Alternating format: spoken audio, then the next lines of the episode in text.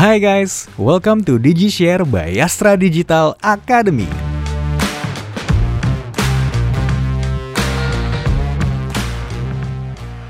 Halo guys, selamat datang di Astra Digital Academy. Tempat buat kamu dapetin insight seputar digital marketing, product development, dan juga big data. Insight tersebut bisa kamu temukan di Instagram, YouTube, dan podcast Astra Digital Academy, dan juga website di www.astradigital.id. Nah, perkenalkan nama gue Faisal. Saat ini gue sebagai tim lead dari tim growth monitoring. Dan saat ini gue bersama narasumber kita, Tara. Halo Tara. Halo, perkenalkan gue Tara dari Growth and Monitoring uh, tim juga Big Data and Analytics Astra Digital. Oke, saat ini kita mau ngobrol seputar masalah IDA ya. Tapi sebelum itu gue mau brief dulu dikit. Nah, IDA itu kalau sepengetahuan gue ya itu uh, sebuah proses yang dilakukan oleh seorang data scientist. Nah, outputnya itu nanti adalah sebuah uh, kesimpulan dari kondisi data gitu ya. Nah, uh, oke, okay, Tar. Uh, sebelum kita bahas IDA lebih lanjut ya, kita bahas terkait yang simple dulu nih, terkait data. Kalau menurut Tara sendiri nih, pengalaman Tara, data tuh apa sih dan kenapa sekarang jadi hype gitu? Mungkin kalau bicara soal data ya uh, teman-teman mungkin juga udah familiar banget nih soal data karena kayak apalagi di era yang sekarang gitu ya banyak banget webinar-webinar atau mungkin juga di sekolah atau kuliah kita kayak udah bicara soal data itu sendiri gitu. Nah mungkin kalau misalkan kita ngambil dalam apa ya segi bahasa gitu ya data itu adalah kumpulan uh, dari fakta-fakta gitu. Jadi fakta fakta-fakta atau mungkin peristiwa yang kita kumpulin uh, kita collect gitu terus habis itu nggak uh, sampai di situ nih si data ini uh, nanti di kemudian waktu gitu ya kita bakal manfaatin dan kita bakal uh, mungkin explore lebih lanjut gitu. Nah, poin yang kedua kenapa uh, data itu hype gitu ya di era yang sekarang mungkin uh, khususnya di Indo sendiri gitu ya uh, apa namanya uh, perkembangan uh, teknologi era digital ini udah semakin pesat banget nih gitu. Mungkin uh, kalau kita apa ya ngeriman ke belakang gitu ya beberapa waktu lalu kita ambil contoh lah yang simple gitu ya untuk transaksi jual beli gitu mungkin secara konvensional kita uh, cuma dapat sedikit informasi nih gitu mungkin kayak item apa aja sih yang terjual terus habis itu berapa banyak item tersebut terjual dan berapa rupiah sih sebenarnya yang kita dapetin dari uh, apa namanya uh, transaksi jual beli tersebut gitu. Tapi di era sekarang nih di perkembangan teknologi era digital gitu ya. Apalagi untuk bisnis-bisnis atau kegiatan gitu yang berbasis online uh, informasi yang kita dapetin itu bisa jauh lebih luas gitu. Misalkan contohnya nih uh, kita bisa tracking uh, user yang ada di kita gitu ya. Mulai dia uh, download, terus dia register, uh, kemudian start nih dia visit dan explore uh, digital platformnya kita gitu. Uh, bahkan uh, sampai ke intinya gitu ya uh, si user-user atau customer ini melakukan uh, transaksi, terus kemudian uh, bisa juga sampai ke tahapan repurchase dan sampai uh, si user atau customer ini mungkin suatu saat akan churn atau pergi gitu. Nah mungkin itu sih gambaran kenapa data di era yang sekarang ini uh, jadi semakin lebih hype gitu. Oke, tadi kan Tara cerita tuh terkait masalah kolek data gitu kan, mm -hmm. banyak yang kita kumpulin. Nah, kalau udah kita kumpulin gitu ya, mm -hmm. cara kita untuk kelola itu gimana sih? Oke, kelola data berarti kita bicara data management ya. Iya. Nah sebenarnya kalau data management sendiri itu bukan secara practically gitu ya, bukan pekerjaan aku sehari-hari, tapi mungkin di sini uh, aku bisa ngasih apa ya gambaran gitu uh, dari sudut pandang pengguna data gitu. Jadi uh, data ini sebenarnya sebaiknya nggak cuman kita kumpulin nih, kumpulin aja, tapi kayak ya udah gitu, nggak di manage gitu. Tapi mungkin uh, salah satu uh, caranya kayak bisa kita kelompokkan, kita kategorikan gitu ya berdasarkan jenis-jenisnya. Kayak contohnya mungkin uh, data transaksi sendiri, terus data customer sendiri gitu, supaya nanti ketika apa kita mau menggunakan gitu ya, mau explore data tersebut atau mungkin mau dianalisis gitu jadi lebih mudah gitu, karena data ini kita apa maintain gitu dalam jangka panjang. Terus habis itu juga poin terpentingnya uh, data yang kita kumpulin ini sebisa mungkin up to date gitu. Jadi ketika kita butuh data terupdate-nya nih udah tersedia gitu sih mungkin. Sekarang mau masuk ke ide. Tadi kan sempat singgung dikit terkait masalah data yang udah kita simpan, kita kelola, kita explore gitu kan ya. Mm -mm. Nah, uh, kalau menurut Tara nih, mm -hmm. definisi ide itu apa sih? Oke, EDA mungkin start dari kepanjangan EDA itu sendiri ya. Boleh, uh, boleh. EDA itu adalah exploratory data analysis gitu. Jadi mungkin secara gampangnya berarti kita explore data untuk dianalisis kayak gitu.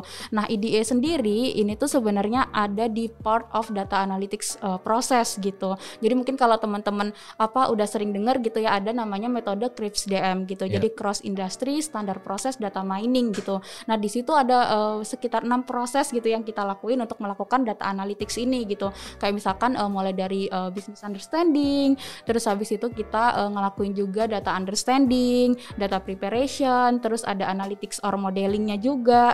Uh, kemudian kita ngelakuin validasi nih dari analytics atau modeling yang udah kita buat. Dan yang terakhir di visualization gitu.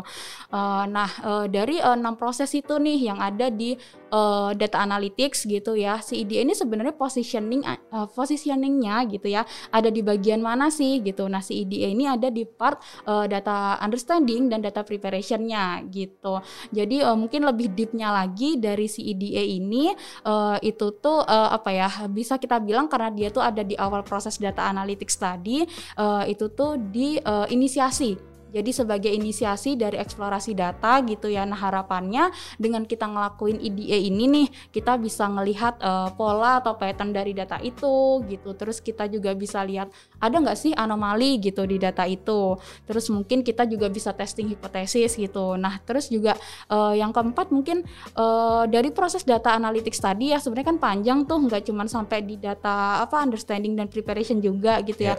Jadi uh, dari proses IDA ini juga, juga kita bisa lanjut lanjutin nih ke uh, advance analytics-nya gitu, ke next analytics-nya gitu.